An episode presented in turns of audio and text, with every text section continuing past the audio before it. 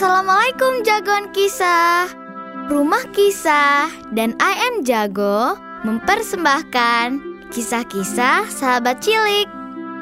Kisah kali ini akan dibawakan Quinza. Jagoan kisah akan mendengarkan sebuah kisah tentang seorang wanita intelektual. Ia adalah guru pertama di sejarah Islam. Namanya Syifa binti Abdullah. Bagaimana kisah lengkapnya? Yuk ikuti bersama-sama. Sebelum Islam datang, dunia dalam kondisi zaman jahiliyah. Sebagian besar manusia hidup dalam kebodohan dan kesesatan. Akan tetapi, ada seorang wanita yang sangat cerdas, pandai menulis, dan membaca. Namanya adalah Syifa binti Abdullah. Walaupun ia hidup di tengah-tengah kehidupan jahiliyah, ia tetap bersemangat membaca dan menulis. Ayah, ayah, aku dapat tulisan ini. Kira-kira apa ya artinya? Waduh, ayah saja nggak ngerti, nak. Ayah sendiri nggak bisa baca. Terus kalau aku mau baca gimana ya ya? Belajarnya sama siapa? Nah, di kota Mekah ini ada wanita yang paling terkenal. Dia sangat pintar menulis dan membaca. Bener ya? Siapa namanya? Namanya Siva. Oh, Siva. Iya nak, Nanti ayah akan ajak kamu ketemu Siva. Biar kamu bisa baca tulisan yang tadi. Sekaligus kamu juga bisa belajar dan menulis. Mau, mau, mau, mau. Aku mau ya. Biar pintar seperti Siva. Jagoan kisah, wanita-wanita di Mekah sangat mengenal Syifa yang sangat mahir dalam menulis. Pada suatu hari, Nabi Muhammad mendakwahkan Islam di Mekah. Para penduduk Mekah sebagian besar menolak Islam. Bahkan mereka memerangi Rasulullah dan sahabatnya. Kabar tentang ajaran agama Islam sampai di telinga Syifa. Ia langsung mempelajari apa itu Islam dan ajaran yang dibawa oleh Rasulullah. Wahai Syifa, apa yang sedang kamu lakukan? Aku tuh sedang mempelajari ajaran Islam. Aku mau mengikuti agama Nabi Muhammad. Sungguh, inilah agama yang dibawa oleh Nabi Ibrahim dan nabi lainnya. Jangan Syifa. Kalau kamu ikut agama Nabi Muhammad, nanti orang-orang Mekah akan menyakitimu. Tidak apa-apa. Aku akan ikut hijrah ke Madinah bersama sahabat-sahabat lainnya. Memangnya apa yang kamu tahu tentang Islam? Aku sudah membaca dari beberapa tulisan-tulisan di Taurat dan Injil bahwa nama Nabi Muhammad itu sudah ada dan beliau adalah nabi terakhir.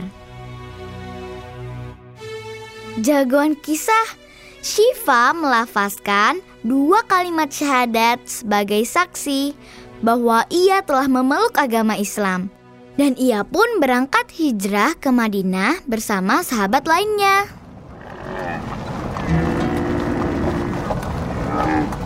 Saat tiba di Madinah, kaum muslimin merasa tenang dan bahagia. Mereka dengan bebas mengamalkan ajaran Islam seperti sholat dan ibadah lainnya. Pada suatu hari, Syifa datang berkunjung ke rumah temannya yang bernama Hafsah, putri dari Umar bin Khattab. Assalamualaikum Hafsah. Waalaikumsalam Syifa. Bagaimana kabarmu? Baik Hafsah. Kalau kamu? Baik Syifa. Hafsah, aku senang tinggal di Madinah. Suasananya enak dan orang-orangnya juga ramah. Iya Syifa, Aku juga ngerasa demikian. Di sini kita bebas melaksanakan ajaran agama Islam. Saat mereka sedang asyik mengobrol, datanglah Rasulullah. Lalu beliau pun berkata, Wahai nak Sifa, dahulu di Mekah, kamu sangat terkenal pandai membaca dan menulis. Maaf wahai Rasulullah, ilmu yang kumiliki hanya sebatas itu. Iya, jarang sekali wanita di Jazirah Arab ini yang bisa membaca dan menulis.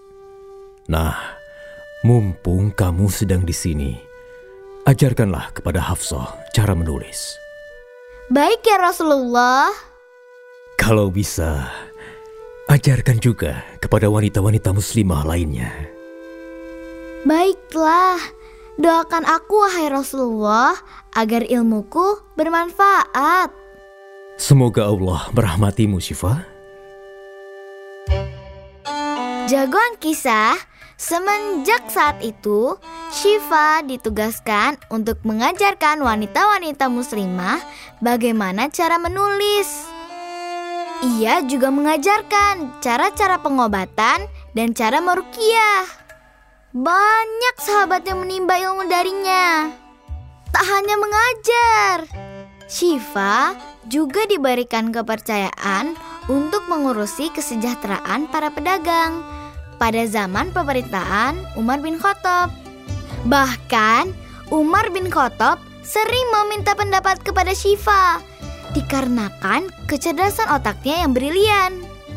Dari interaksi tersebut, Syifa juga meriwayatkan beberapa hadis dari Umar bin Khattab. Ia juga menjadi perawi hadis dari Rasulullah Shallallahu Alaihi Wasallam, sembari mempelajari ilmu keagamaan. Jagoan kisah, itulah beberapa kiprah Syifa binti Abdullah Al-Adawiyah dalam dunia ilmu pengetahuan dan pendidikan. Syifa mendedikasikan seluruh usianya untuk ilmu pengetahuan, beramal, beribadah, dan menolong orang lain. Demikianlah kisah sahabat cilik Rasulullah yang sangat hebat. Kecerdasan Syifa al-Adawiyah menjadikannya seorang yang ditunjuk sebagai guru wanita pertama di masa itu. Jagoan kisah harus rajin belajar ya, supaya jadi anak yang pintar dan bermanfaat. Tetap dengarkan kisah-kisah berikutnya dengan Quinza di rumah kisah bersama I am Jago. Wassalamualaikum warahmatullahi wabarakatuh.